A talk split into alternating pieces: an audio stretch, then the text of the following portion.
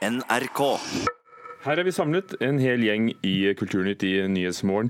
Velkommen, Susanne Kalutza, daglig leder for Litteraturhuset i Oslo. Første gang du er med. Ja, takk. Hva vil du med Litteraturhuset?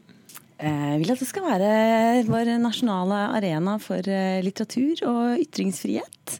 Eh, Og fortsette å løfte det, sånn at vi når enda flere målgrupper. Ikke bare de som eh, dumper innom til vanlig. Og så har du bakgrunn som journalist og forfatter. og Og det har jeg også. Så jeg er veldig veldig glad med for å ha fått eh, den jobben nå. For det er et fantastisk hus med veldig godt program som alle burde stikke innom. Aksel Stenius, forfatter og manusforfatter. Blant annet skrev du manus til eh, to Elling-filmer, og, og, denne uken ble det kjent at eh, også Ambjørnsens nyeste roman, 'Ekko og en venn', som kom nå, skal bli film. Er du allerede i gang med manus der? Eh, Jeg tror vi skal ta ut ordet 'skal', men kan, kanskje. Vi får håpe det. Det er et uh, godt uh, lerret å blekke før det er De sier du har fått oppdraget, i hvert fall. Jeg har fått oppdraget, men man skal aldri si man det der med bjørn og skyte og skinn og, og sånt noe. Men uh, jeg jobber med det. Mathilde Fasting, siviløkonom og idéhistoriker fra tankesmien Civita. God morgen. Du har vært med så mange ganger at uh, Du gidder ikke å si noe mer. Takk skal du ha. Åsne Seierstad fikk øynene våre opp for hvem de var, de som sluttet seg til terrorgruppen IS. I boken 'To søstre' skriver hun om to jenter som reiser fra Bærum til Syria, og denne uken har Aftenposten funnet de to i en flyktningleir. Jeg merket faktisk at jeg ble ganske lettet, selv om jeg for så vidt har holdt meg ganske nøytral til eh, jentene. Så er det klart at jeg har jo blitt kjent med dem siden de var små, gjennom hva andre fortalte om dem. Altså venner, familie, hva de skrev, hva de var opptatt av, og deres radikaliseringsprosess, som har vært en veldig dyp religiøs prosess. Sa forfatteren selv i Urix denne uken. Nå hevder advokater at de to unge kvinnene kan ha grunn til å saksøke forfatteren for brudd på personvernet. Seierstad sier til Klassekampen at uh, på denne tiden hadde samfunnet et akutt behov for å forstå hvorfor mange unge mennesker forlot vestlige demokratier for å slutte seg til IS, og at samfunnsnytten var viktigere enn personvernet. Er det viktigere å få ut denne historien enn å ta hensyn til personvern til jentene? Susanne Kalutza? Ja, det er det. Aksel Stenius? Ja, det er det. Mathilde Fasting? Jeg har endt på ja, jeg også, selv om jeg syns det var vanskelig. Hvorfor er det vanskelige spørsmål?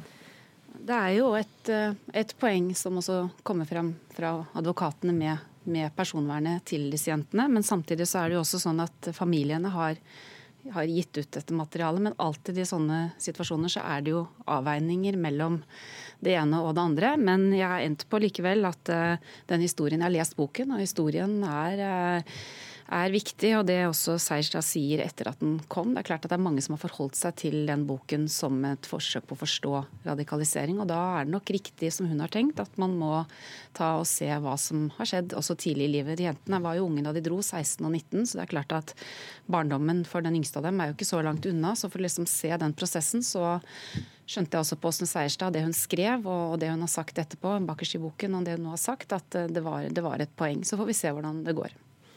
Jeg tenker at Det er ikke noe nytt det Åsne har gjort. Journalister tar jo alltid, når, når noen utfører kriminelle handlinger som vi har vanskelig for å forstå, så begynner vi å grave i barndommen deres og i oppveksten for å forsøke å, å forklare hva det er som har skjedd og hvorfor. Og Da er det en journalistisk avveining eh, om hensynet til personvern skal vektes tyngre enn samfunnets eh, mulighet til å få en forklaring på det som har skjedd. Altså, jeg, hører, jeg hører ikke så mange liksom, skrike opp om personvernet til David Toska f.eks. Og så er det et annet element at eh, Altså, Boken er ikke særlig privat. Eh, jeg syns ikke hun har gått eh, så langt inn i dybden av, av disse jentenes eh, oppvekst på en måte som er krenkende. Og ikke minst så er samfunns, samfunnsnytten stor. New York Times sa selv at dette her var en bok som alle burde lese hvis de ønsket å forstå radikaliseringsprosessen. Så derfor har jeg landet på at dette var innafor. For Seierstad sier selv at hun har brukt jentenes etterlatte papirer, altså skolestiler og andre notater. Det, er det problematisk, Aksel Stenius? Eh, Ja, altså, I hvert fall så syns jeg det er fint om det blir et uh, rettslig etterspill på dette også. Først og fremst, det hørte jeg jo eh, dere snakket om det litt tidligere i dag, at det rett og slett blir det hovedrettslige etterspillet. Altså at de blir dømt. Så jeg syns det er superviktig at de, blir, at de, kommer tilbake hit, at de blir dømt, at de tar straffen, at de forhåpentligvis da straff gjør som straff skal gjøres. Altså det blir lovlydige borgere som oppdrar barna sine og betaler skatt og sånt. For, fordi bare skyte inn ja. Europas ja. justisminister er samlet i Luxembourg for å se om man kan få til en internasjonal straffedomstol. Det er jo selvfølgelig det viktigste. Det må jeg si. Jeg synes jo det er viktigst. De har jo gjort noe gærent, det er jo liksom ikke noe å lure på. Men jeg syns jo det er superinteressant uh, å ta en sånn. Dette fikk vi jo etter bokhandelen i Kabul. Og at uh, Seierstad skriver bøker om at hun har uh, gode hensikter og sånn, og skriver gode bøker, men det er jo alltid to sider av en sak. Og disse jentene har jo ennå ikke kommet til ordet. Det er det de har skrevet, det folk har gitt videre av e-poster og, og, meldinger og, og, sånt noe. Så at de også kan få lov å fortelle sin historie, syns jeg er bare superfint. Det må jeg bare si. Og ja, drøfter da om samfunnsnytte er viktigere da enn personvern. Hvilken rolle har denne boken spilt? Altså, da, da, hun skrev den, så visste vi jo eh, altså, For det første så, så, visste vi jo at de var i, var i, Syria, men vi vet jo at det er mange som ikke har kommet tilbake igjen fra Syria også. sånn at, eh, at jeg tror eh, at man, man, rett og slett Fordi hun nettopp fremstiller dem som, som relativt to vanlige søsken, også ressurssterke søsken, som, som, nettopp gjør det bra på skolen og, og som har, ser ut som om de har klart seg fint, eh, til det plutselig begynte å skje ting eh, som gjorde at de velger å gjøre noe så radikalt som å dra til dratt til Syria. Og når vi ser reportasjen og hører hvordan det er nede og hva de har opplevd, og også ikke disse jentene, men noen av de andre intervjuene som har kommet frem, så er det klart at, at det er Jeg tror boken var nyttig for å forstå så, et så radikalt stepp som det er å forlate et sånt samfunn og så gå til altså Som hun skriver, ut i ørkenen. altså Det som har skjedd der nede, er, er helt utrolig. Og at du gjør det ut fra en overbevisning, er, er viktig. Men tenk hvor mange unge menn som har gjort helt sinnssykt dumme ting. Altså 16-19-åringer og 20-åringer og sånt noe. Og det, jeg er helt enig, hun gir en god forklaring på det. Uh, det kunne vært skrevet om en gutt dette her også, for så vidt. Hun ja, da, ha absolutt. Det, det, er, det, er ikke noe forskjell, syns jeg, på gutt eller jente mm. egentlig her. Det er to søstre som, mm. som hun fant fram til. Men, mm. men, vi vet jo at det er mange historier om menn som har dratt og gjort akkurat det samme også. Og pressen skriver jo nærgående om de også, og om deres oppvekst. Det har jo vært veldig, eh, veldig god journalistikk på oppveksten og radikaliseringsprosessen til f.eks. Bastian Vasques. Mm. Eh, så her tenker jeg at det er, altså, Dette er en klassisk journalistisk vurdering. Man må vekte samfunnsnytte opp mot privatlivets fred. Eh, og eh, her syns jeg Åsne har landet på riktig side av det. Vi skrur tiden tilbake til 60-tallet.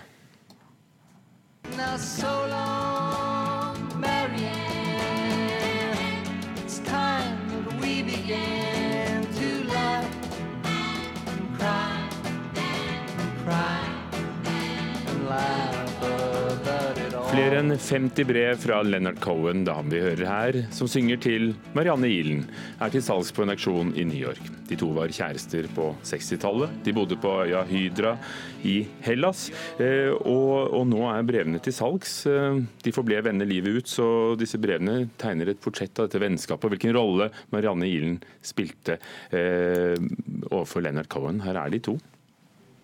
This is for you. It is my full heart.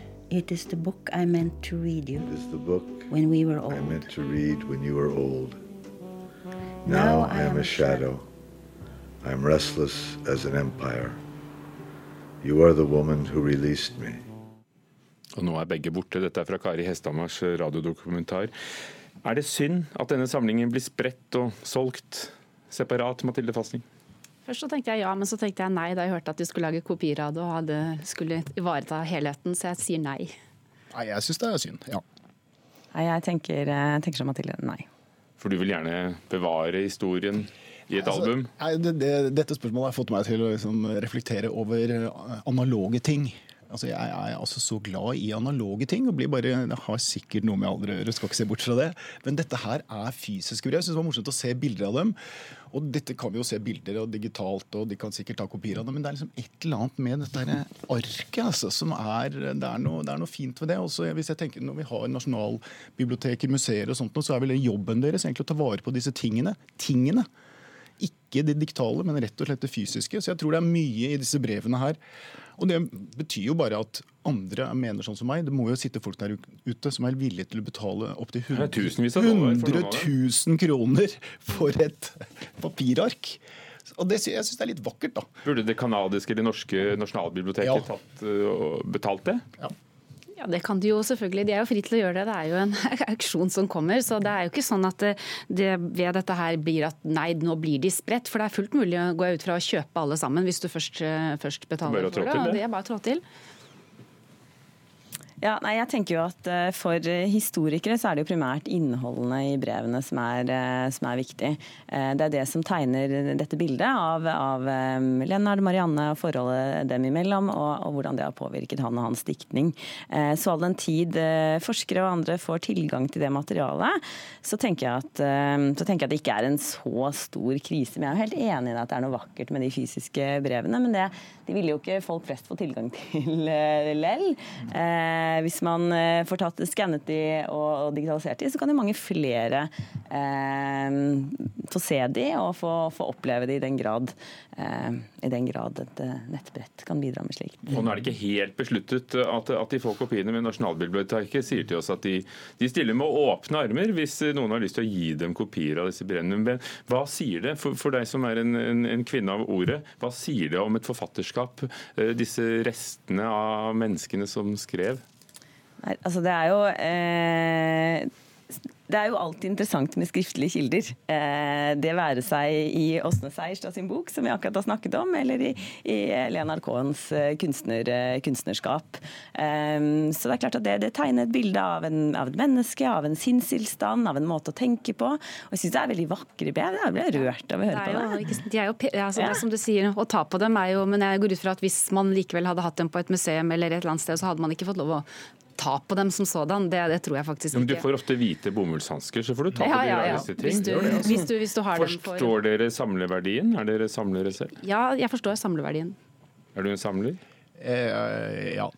Eller ja, på lavt nivå. Jeg tenkte meg det. Eh, vi har hørt mye om eh, bompenger den siste uken. Vi er nødt til å ta på alvor at eh, bompengene er blitt høye mange steder, og at det gir en reaksjon. Ja, vi har uh, hatt et uh, godt, men uh, svært krevende landsstyremøte. Et godt, men krevende møte, sa Siv Jensen, og da dreier seg om bompenger, som kanskje kunne føre til regjeringskrise i norsk politikk. Vi hører om det i morgentimen i dag, at KrF kunne godt sitte til regjering uten Fremskrittspartiet. Um, har mediene gitt bompengeopprørerne for mye plass? Ja veldig altfor mye. Nei. Nei, de har ikke gitt dem for mye plass, men de har kanskje gitt dem feil plass. Jeg mener det er helt riktig når det er en sak som engasjerer folket så mye, eh, å bruke journalistiske krefter på dette. Men da må vi også behandle de på samme måte som ethvert annet politisk parti. Eh, stille de spørsmål om totaliteten i programmet deres. Eh, stille de spørsmål, eh, kritiske spørsmål som man ville ethvert et annet politisk parti. Og der føler jeg kanskje vi har, vi har eh, sviktet litt. For eh, Folkeaksjonen Nei til mer bompenger seilet opp til nesten 5% på siste meningsmålingen. Ja, ja, altså jeg, Nå er jo ikke alle ser på TV, men jeg bare sier dugnad. Altså. Det er, eh, hva er du villig til å, til å, gi for å få et bedre samfunn fremover? Og det, det er, der, der er jeg også helt enig med deg. at Det er jo det de må virkelig kjøres mye hardere på. At de slipper unna med det der. Og at det i det hele tatt fins et flertall som fremdeles som får lov til å la bilen være det absolutt helligste rommet. Det er jo blitt kirken, det er jo blitt bønnerommet, det er jo blitt den som trygge hulen. Og det er altså så vanskelig å komme ut av den hulen at man ja, Det nekter man bare å gjøre. Det syns jeg er problematisk. Vel tenkt litt over i Civita, tenker jeg.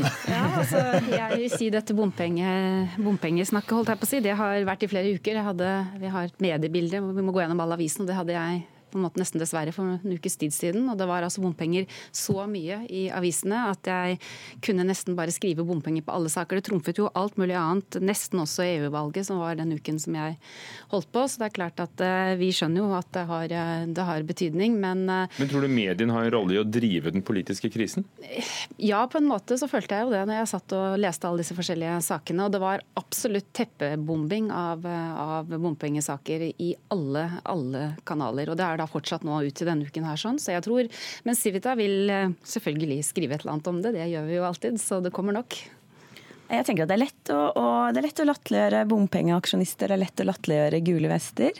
Eh, men, men, vi må ta på alvor de tingene folk er opptatt av. og er, Bompenger har et usosialt element som er lett for oss å sitte her i Oslo og kan sykle overalt å, å, å ikke reflektere nok over. Da. Så når folk er rasende, så syns jeg det er viktig å ta det på alvor. Men igjen, mer kritiske spørsmål, mer grundig journalistikk. Behandles som ethvert annet parti eh, som, som ligger, an, ligger, an, på meningsmål. Det er en komplisert sak, så ja. det burde jo komme frem også hva som er alternativene på en bedre måte, syns mm. jeg. da. Men hvorfor kom det først nå? Altså Byvekstpakkene ble snakket om på, på regjeringsplattformen. Holdt på lenge, dette. Jeg kjørte gjennom tre sånne kameraer på 300 meter her nå for å komme hit. Tre stykker. Eh, jeg følte meg helt som sånn overvåket, holdt jeg på å si. Det er noen kjempekameraer. Så jeg tror rett og slett at noe av det er at du fysisk, har, fysisk ser mm. at de har bygget Jeg tror det rett og slett har påvirket folk. At nå Oi, her kommer det opp et kamera, hva er dette? Og så sprer det seg. Og når det plutselig kommer opp så mange som f.eks. er i Oslo nå, og som er i gang for en uke siden, så, så tror jeg at rett og slett det har fått folk til å begynne å tenke over bompengene. Ja, Det er jeg helt enig i. Og der, Det ser jeg også. Det der overvåkningssamfunnet, det at folk reagerer på det. Så der støtter jeg dem. akkurat. Men Tror du det er det de reagerer på? Nei, det vet jeg ikke. Men jeg tror det er mer at bilen er hellig. At det er det som, Å begynne å tukle med det, da blir det trøbbel. Er bilen hellig er kanskje et for stort spørsmål. Er bilen hellig? Nei, Det å komme seg fra A til B tror jeg er ganske hellig. Ja, Det å få hverdagen til å gå i hop eh, på en måte eh, som gjør at det funker for dem, eh, og uten å bli, føle seg ruinert unødig, det tror jeg er viktig for folk. Takk skal dere ha. Susanne Kaluza, litteratursjef, Aksel Stenius, forfatter, og Mathilde Fasting, tenker i Civita.